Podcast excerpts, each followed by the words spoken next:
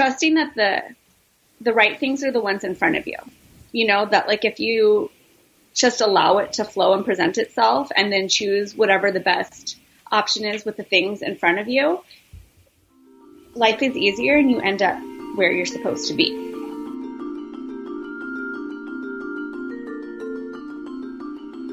Jaimi Brooks knows where she's supposed to be. When we met nearly 10 years ago, she was the founder of Fiore Beauty, a stunningly successful on site beauty service in LA. But recently, she returned to her original calling as a therapist. Now, Jaimi is helping everyone from the burnt out corporate executive to the working mother who wants it all be better, choose better, love better, and feel better. This show is about finding your own answers, with or without the help of a little therapy. I'm Elizabeth Dean, and this is Healers.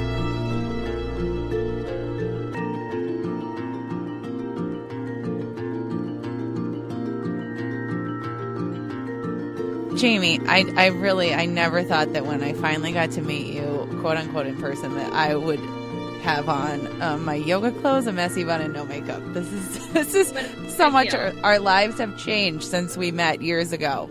Isn't that weird? Because I feel like a lot of we have like a lot of parallels. I was just listening to your horoscope show, and I'm a Cancer too. you are. So I feel like I don't know. It's just interesting that you've been on that path, and also I have as well separately. And it's not the most expected path for like two beauty girls to go on.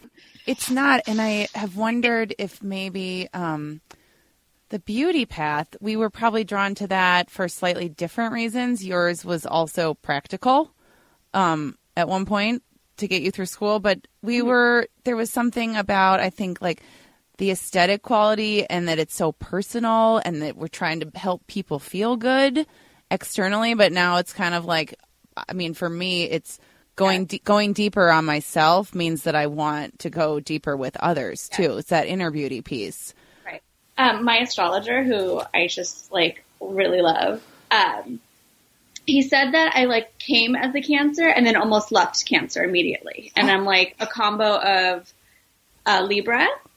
And he didn't know what I did, Elizabeth. Like he, a, a, combo wow. of Libra, which is all about like um, beauty and teaching and things being beautiful, and Scorpio, which is like going deep and helping people along their thing, um, their path, not their thing. But uh,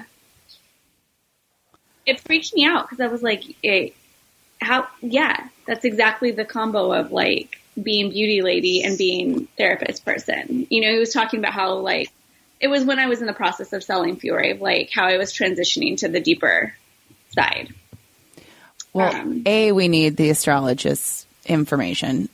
B, the fact that you were able to hold these two things in the same, you know, lifetime and, and they overlapped and I just you came out of the womb just made for both of these career paths. So I'm so happy for you that you, you get to that you get to do them both.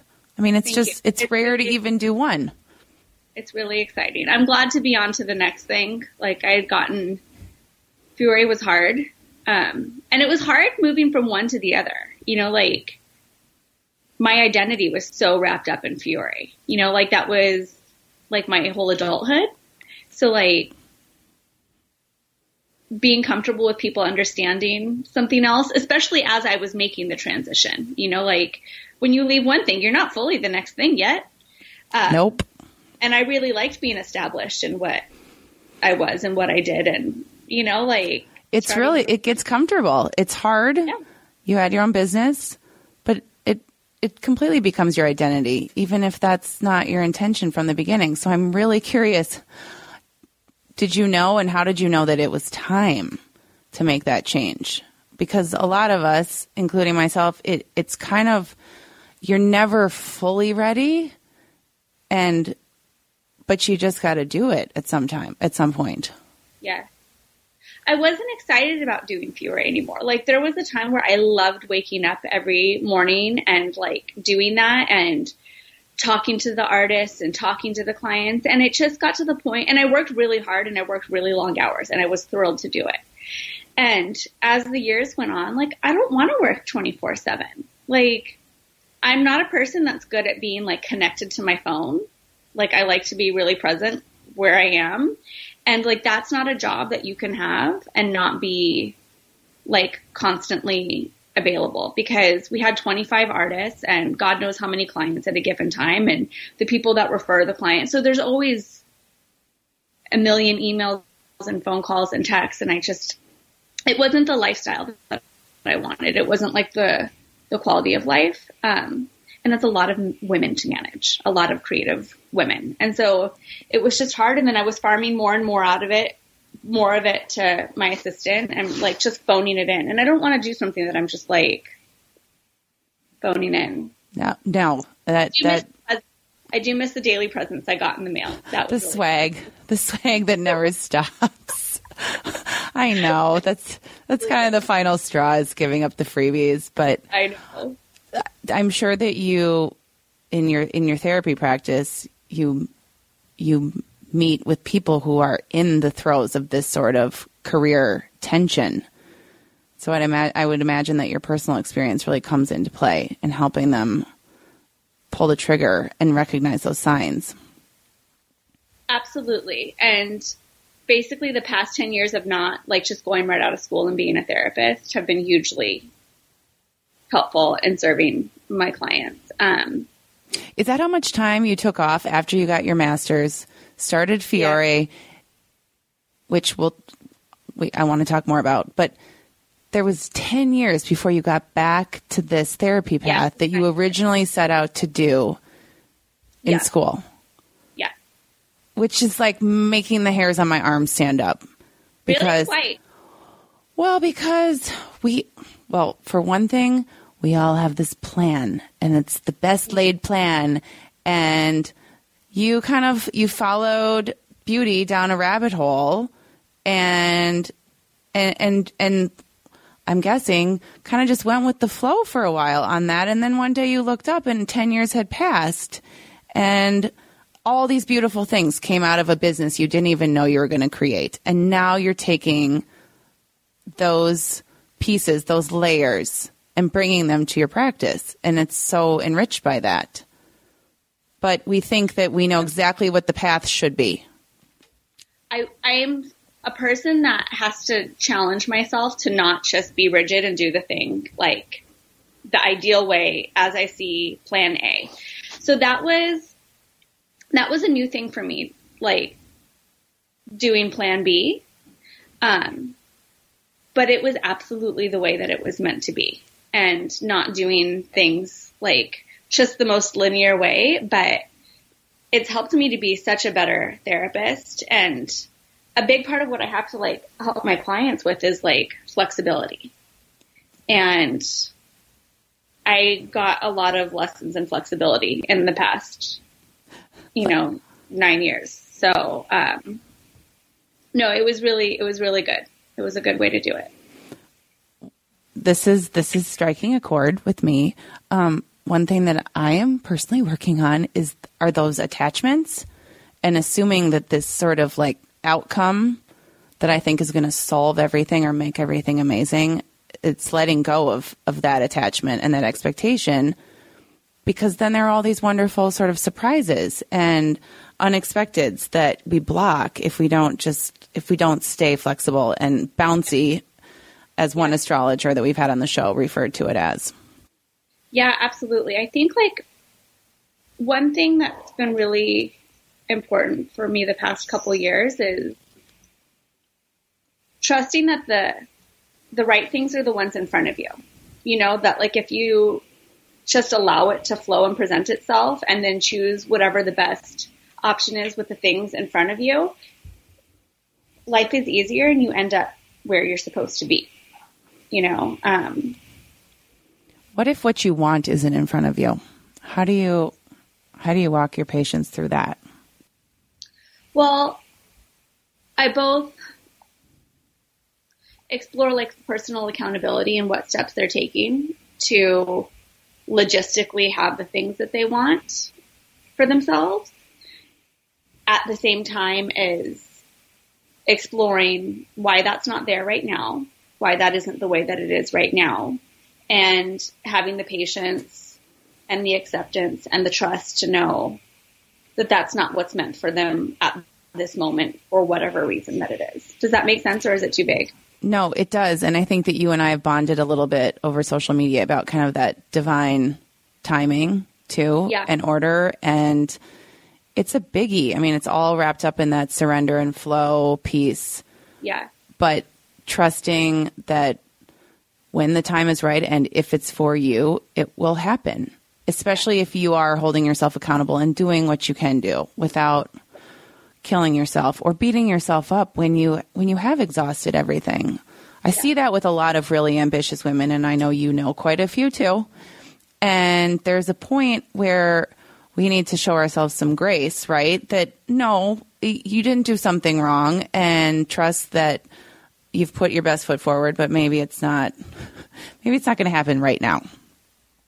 No, absolutely. It's it's rampant. The expectations we have on ourselves and it's hard for like I, I just think of so many examples. Like I are examples relevant for my clients or no? I, I think we would all really love examples. Yeah, those are super relevant. Whatever you can share. um, well, I just can't share names and No. stuff like that. But I have a client who is super type A woman. I totally relate to her in a thousand different ways. But um, there's the rigidity of like how she holds herself accountable to things and the very small room she gives herself for the imperfect. And then she's recently had a baby and she is knocking it out of the park with her new baby. Like it's her second baby. She's taking care of herself so well. Like she's getting up, she's doing her hair and makeup, she's taking this baby out. Like she's doing everything really, really well, but she wants to get her sex life back on track. And so she's doing everything that she can to make that something that is on the menu. Like she's getting up, doing her hair and makeup. So she feels like Sexy. sexy and yeah. feels like wants to have sex. She's exercising and getting like her physical body, not just like the baby weight or whatever, but like the blood flowing and like the connection with your body that you know is really helpful to have Yeah. in order to Yeah. Get get into your get in your body. Yeah. And still, at the end of the day, though, they put one baby to sleep, they put the toddler to sleep, and inevitably something is happening where somebody wakes up throwing up, somebody's having a tantrum, somebody is sick. And so at the end of every day, even though she's doing all the things that she can, like the world is not aligning for her to get some sexy time in right now. No, these are not romantic factors. No. Right. that part is outside of her control. And so, like during our last conversation, you know, I told her, like, your intentions are in all of the right places. You're doing all of the right things. And just because you can't control the final factor that's making it happen or not happen doesn't mean that you, A, be hard on yourself and feel like your sex life is never going to go back to the way that it was or that you're not trying hard enough or that you should forget about all of the things that you're doing. Like every day you get up, you do the thing again. You act on behalf of the intentions that you have for you to get this part of your life realigned. And then you let the rest go. And if it doesn't happen that way, you wake up and try again tomorrow because it will, it will go that way eventually. Eventually it'll click. In, intention was the word that came to my mind while you were talking too. It's it's 90% of it. It's have it's feeling good about the intention that you're setting. Yeah. And and then and I love this um, concept from I think she's a Tara Brach. She's a meditation coach, but she says always says don't throw the second arrow because you throw that second arrow at yourself then right. when you're not having sex or you're not getting the, the book deal or whatever it is. And now you've actually made matters worse. You know like you, now you're not now you're not present in your life. Now you're not connecting with your partner or whatever it is. And i but i love that you just gave her permission to just let it go too let it go and also like because she's so results oriented which i mean we are and it's really served us in a lot of ways yes you know it's hard to like give ourselves a little space from that but she had a baby a month ago and she's thinking about her sex life. That's amazing. Good for That's her. like yes. goodness in itself. She's getting up and doing her makeup and going places with her newborn baby.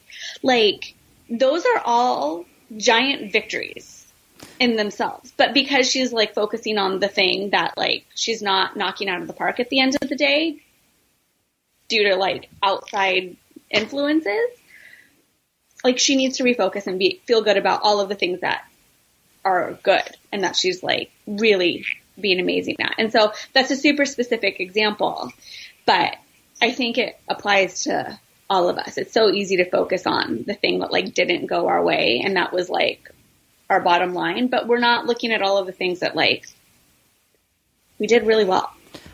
Oh, for sure. It's just like when you focus on one criticism you got, even though you got a hundred other compliments that day, and Yeah. we fixate. And yeah, it's so true. The big picture is really hard in our very results driven mm-hmm. world. Also, I'm thinking about um, where you are our very social media driven world and how that is affecting the people that you talk to. And I mean, you you have so much personal experience with this too, but the images of perfection and how online has really shaped our offline reality even though it's it's all fairly staged and depending on who you pay attention to or, or who you're comparing yourself to is that really eating away at people's kind of self-acceptance and feeling like they've they're doing enough or they are enough It's funny because that hasn't come up a lot with my clients. Like I see that a lot more in my own life or with my own friends and acquaintances and work colleagues. But, um, you know, cause all of the people that I know and that you know, like are in the blogosphere. It's like mm-hmm. huge, but I don't hear people talking about it in therapy. They talk about politics and Trump a lot more. Like that's something that has been like something real in everybody's session, like often. so are they are they crying over it and breaking down and wondering what can i do or what what is going to happen to my Yeah. life Like basically questioning humanity, optimism, security, the anxiety that came with that. You know, like trusting that things will go the way that they think it's going to go. Like it's brought up a lot. Um, sorry, I pulled a total 180. But, um, well, I've done my best with it, but mostly I've helped people try to connect with their personal power within a really situation and what they can personally do, as well as trusting the cycles of things. You know, that how something really bad can be there where it's anxiety producing and you feel powerless and it feels dark and trusting that it won't always be that way and that the pendulum needs to swing to a Right. less favorable place to have the energy to swing back. Um, it's a moment in time but we Yeah. we think it's just never it's never going to end because it feels like a very, very long time. it's uh, 4 years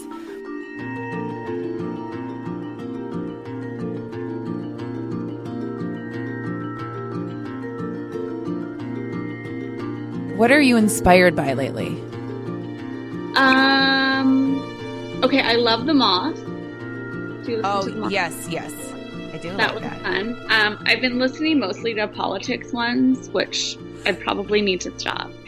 Um, don't do it before love bed Death, Sex, and Money, and The Longest, Shortest Time. Um, those are really good ones. what's what's the longest shortest time It's like kind of for parents, except for I'm obviously not a parent and I love it because it's just like about like being human most of the time. You know, like the things that it always goes back to that. Like yesterday I listened to one about um a woman who is a doctor that does abortions as well as uh, delivers babies as well as just like the other stuff of being an OBGYN. And so it was about what it's like to be a doctor that openly does abortions and has that in her practice instead of like sending patients to like just an abortion clinic, like cast offs from the practice. And she's become a politician and how that plays in her own role as a mother and how it just all works together of um, how she sees her work and how it factors into her life. So a lot of things are about motherhood, but in the same way that that is, you know, like that that also sounds just like she is just being completely true to herself, even yeah. if it's confusing to other people, even if it kind of has her, you know, in two different worlds and all of the kind of confusion that probably comes with that. Yep, everybody can go ahead and be confused about it if they need to be, but like it makes sense to her. It makes sense to her. And gosh, if we could all just live that way in whatever way makes sense to us, that yeah. is the right way. I yeah. wish we could just strike should from our vocab. Yeah, we can. How do we do that? Just do it. Just just do it. It's just kind one, of it's just one little decision at a time. It's the S word in in my house. We're just like no no shoulds. You should not say should. yeah. Yeah.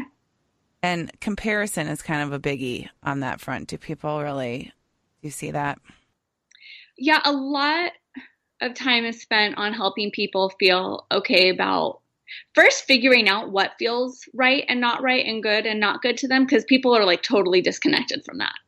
Um, they don't even know what those answers are. So getting connected with your own uh, calibration and uh, then acting, giving yourself permission to act on behalf of that and having generosity with yourself generosity with your shortcomings generosity for your imperfections for um, things not going as planned. Like it's just a huge part of learning to be human and having a good experience and feeling okay with the way that things are. And there needs to be a lot more of generosity for ourselves. I love that word. I always think of compassion, but generosity just sounds a little a little easier to to put your arms around. Yeah. Not not quite as not quite as um you know, cheesy and and hard. It's like when you're supposed to give yourself a hug in the mirror. I'm like, oh. Right. But gen- generosity sounds like okay. I know what that means. I can do that. I can leave myself a bigger tip. Yeah, yeah, that's good why do we get so far along in our lives and not know yet what we like, what we don't like, what matters to us? We just get so swept up in a path that we think we should be on. There's that word again. Yeah, it's a good question. I think the more you ignore, you know, your feelings or your desires, the less you can even hear them. So, for whatever reasons that we start ignoring like our inner gauge we, don't even know what it is anymore. And there's a million reasons to ignore it. Um, the way that your parents require you to be in a home or the way that your parents taught you because that's the way that they know. Um, you know like if your mom thinks that everybody else's feelings are more important and what you pay attention to then you just automatically learn that you don't pay attention to yours because you're busy listening to everybody else's.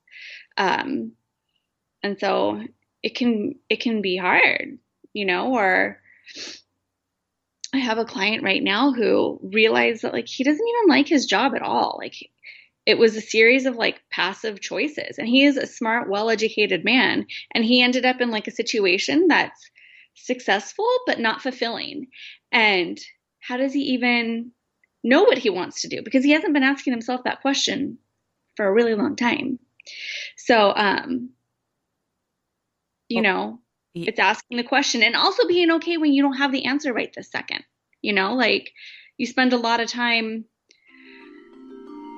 not knowing and not asking and so it's it's a relearning and it's giving yourself permission and the generosity to be in a gray area and trust that that gray area doesn't last for forever either. It's a time.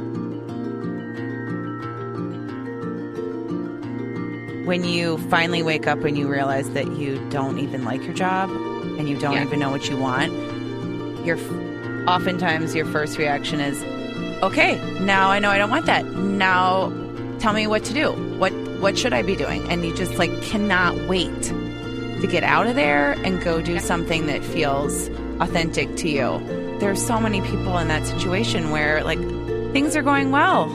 You're just kind of rolling right along and you're getting recognized for your what you're bringing to the table and you're climbing the ladder and you are successful and there's a difference between being good at something and liking it.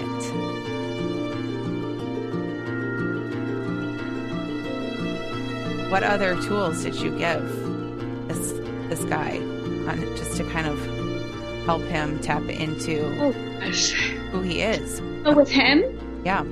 It's funny because, like, I'm not an art therapist. Like, I am a type A person, and like art therapy doesn't like speak to me at she's, all. She's and I'm using air quotes right now.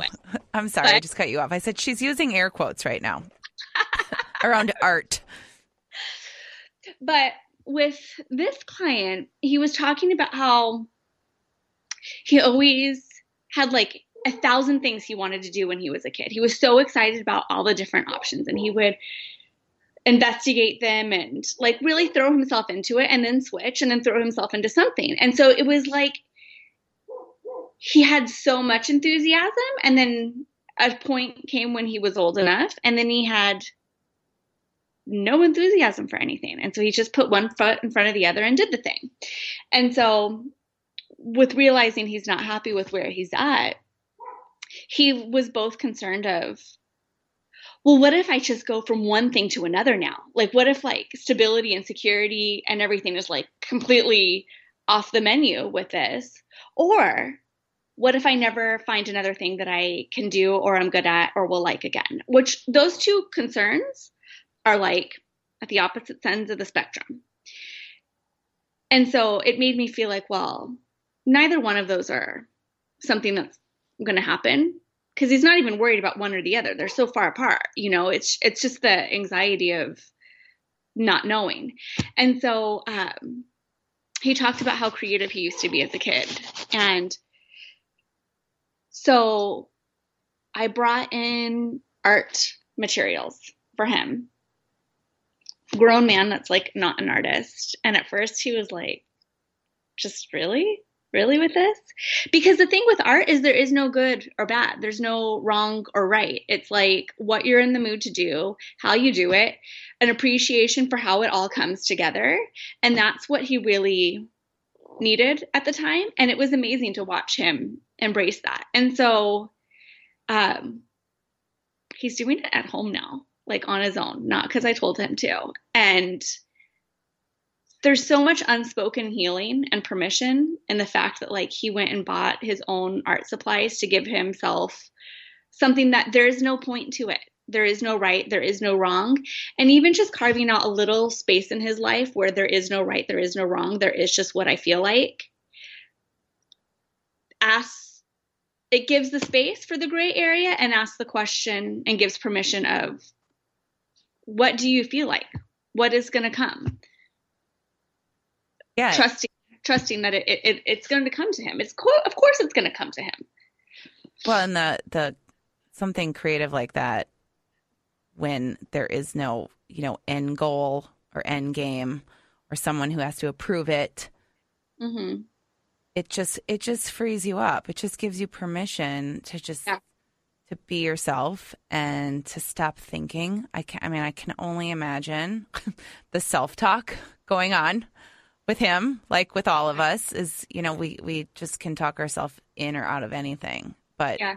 you get some Crayolas in your hand and Well, it was confusing for him at first. He like wanted a direction of like, what would you like me to do? What do you want this to be? Like to not have any guidelines or rules or instructions is like scary, but also freedom, like a huge amount of freedom. And then once he got that freedom, oh, he was into it. But it was scary at first. Oh, I wish we could totally hear the end of this story. I can't I can't wait to I know. I make up wait. in my mind where he ends up. Yeah. Oh, that's such a good example. But we get, we're all going to go out and get those adult coloring books now, which of course I have looked at and thought, I don't have time, or what is the point of sitting there and doing that? And this is what I think we've gotten away from is just like that play, Mm-hmm. which play for you could be going to yoga or could be coloring Yeah. or could be gardening or whatever it is, but that it's just as valuable, if not more valuable, when we're not doing it for any other reason than that it just feels good Right. and it it feels natural to us. So No, we definitely need a separation from productivity, I think. Um, if we could just have some time in our life that wasn't about being productive, I think it would open mm, huge doors for us, huge sources of inspiration and peace, and ultimately help our productivity. But that's not the reason to do it. Right. That's, I know we're all looking for a justification, but you're right.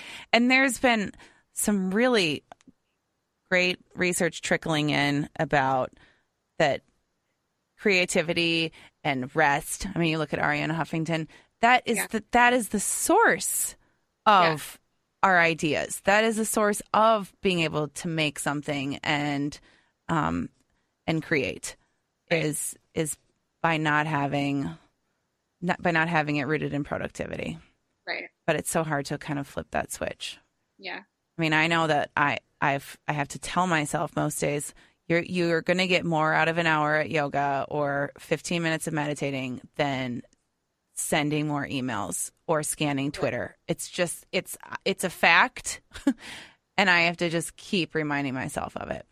But it's hard. It's really hard. It's But that's really that relearning that you're talking about too. This Yeah. is not how this is not how it's done in our in our culture in particular. It's it the scale is completely is it a scale? Is it a teeter totter? It's completely gone in the other direction. We're always on, Mhm. which is a phrase I also hate. And you and I, I mean, you have lived in this world too, where you have to draw your own lines in the sand and set those boundaries. Yeah, absolutely. And it doesn't happen overnight, but the more you can do that, you know, if you can carve out a little time for something that's not productive or on your to do list once a week, like that's a win. And then maybe it's twice a week, and then maybe it's, you know, a little bit of time every day eventually. One of my fears is that the more time I carve out, the more addicted I'm going to get to fun and relaxing and doing all of these things that I feel like I put off for 15 years focusing on a career. And what if, and I know other people have this concern, like, what if I just want to go join an ashram after that? What if I, I think this guy kind of alluded to this. What if you no longer want to live the way you've been living? Like, there is a fear of disrupting this order you've created, right? Okay, but that's a fear of wanting something in the future that you don't want now. So Yes. maybe you will want that. That's not what you want right now, and so it that sounds like a scary thing. The idea of wanting that, but if you don't want that in the future, then you won't do that in the future. Or if you do want that, you'll feel good about it when that time comes. Absolutely. And doing a little bit of something is not going to put you to the opposite end of the spectrum. right.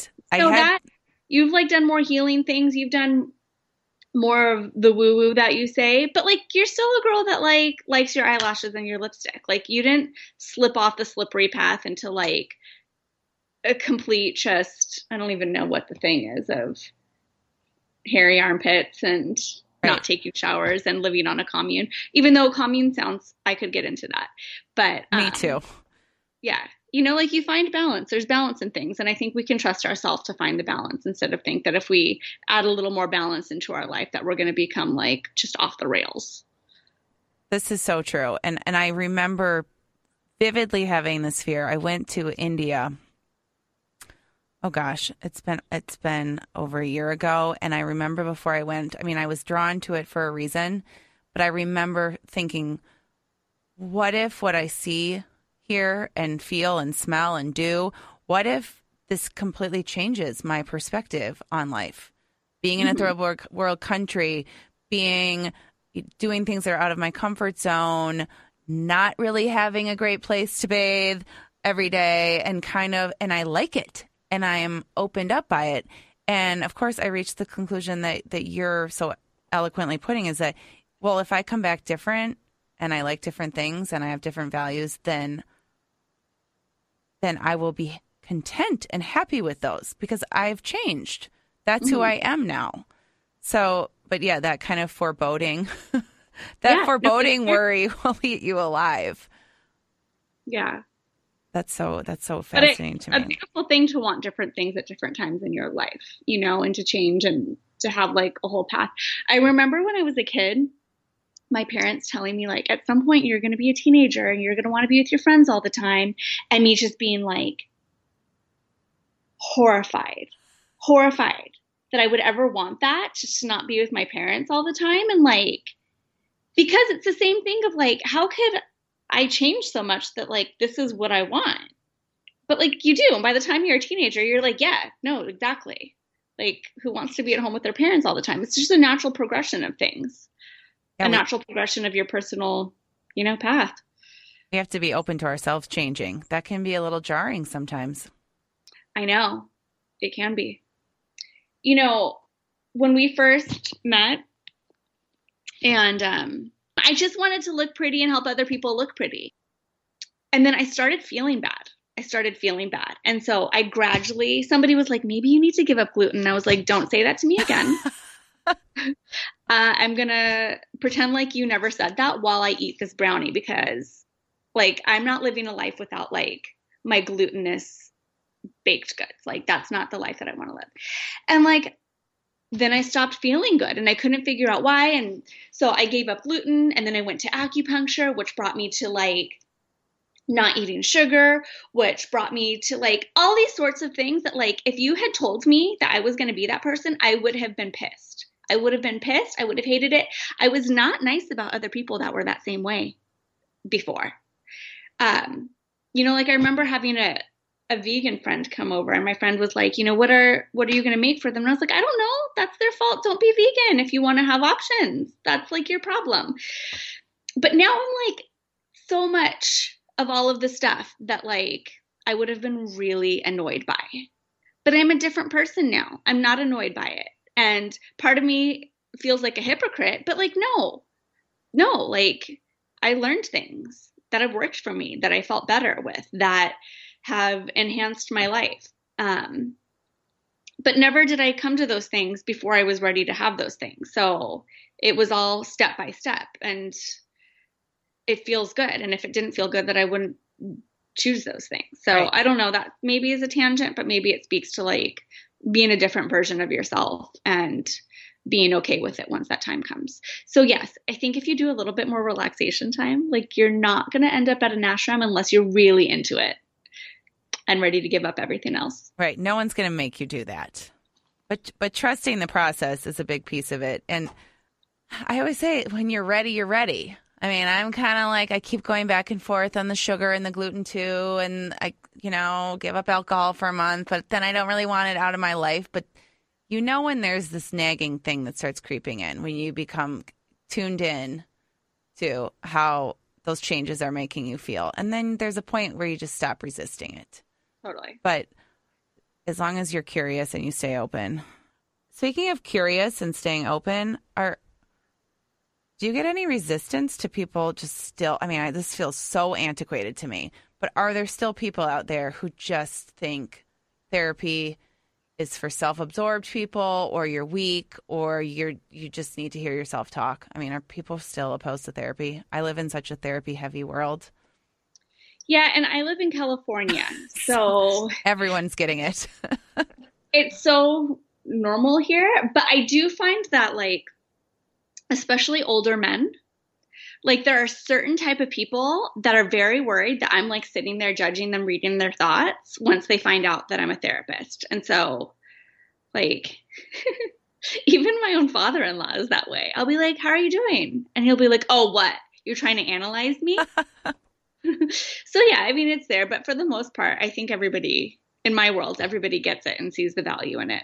Um, not everybody's brave enough to do it it's hard to do. It is never the right time. It's never the right time for a lot of people to spend money on it, to figure out who to call, what to say. I mean, it's awkward. It's a hard thing to sign up for. Um, but I think people get it, the point of it. Not everybody does it. It's the best thing you will ever do for yourself. And and when a therapist told me that it was the bravest thing, I I still I believe that. It really is. It's hard. It's hard to like show all of yourself to somebody, to a stranger, basically. But it's also incredibly healing. And like you said, the best gift that you can give to yourself when you find a therapist that is the right fit for you. Right. And a therapist that you can't outsmart. Sure. Because some of us do that Yep. too. Tell me about your hashtag. I can't believe I've never asked you. Is this yours? Be, choose, love, feel better? yeah. Mine. Um I mean that's what it is to live a good life. That's forward progress. Um and I think that's what you do in therapy when you're doing therapy well. Like you're learning to be better, you're learning to be a better partner and a better friend and a better family member, um, to choose better things for yourself. And when you do all of those things, you feel better. There's no way you don't feel better from being more intentional and being honest with yourself. If if you could have one wish for all of us to start this healing process, what would it be? One wish. Um, I would like everybody to look at their hurts and their pains and their struggles in the scope of like the human experience. Maybe that sounds like kind of large, but like nobody is coming here and like having it easy. So we all are struggling with something. And when you can make peace with like this is your struggle because we're not getting it out of it clean. Like we have to struggle with something. And so it, it gives you more space to accept and appreciate what your thing is and be forgiving of yourself or generous with yourself or whatever it is. Um, and it also helps you connect to how many other people are struggling with the same exact thing. Like it's yours, it feels scary, it feels very personal, but also there's a million other people for every single problem. Even if it feels shameful and awful, um, you know, we're, we're all in it. It all overlaps. We're all in it together. And we're so grateful that you're doing this work, Jaimi. Oh my gosh, I'm excited and I'm thrilled to be doing it. And I'm excited that you asked me to do this. It's fun to get to talk about and also to watch your journey. I'm excited about your podcast. So, Well, thank you. We're honored to have you. Namaste.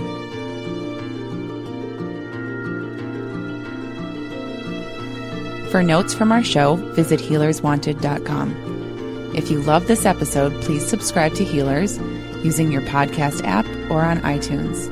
As always, five star ratings and positive reviews are welcome.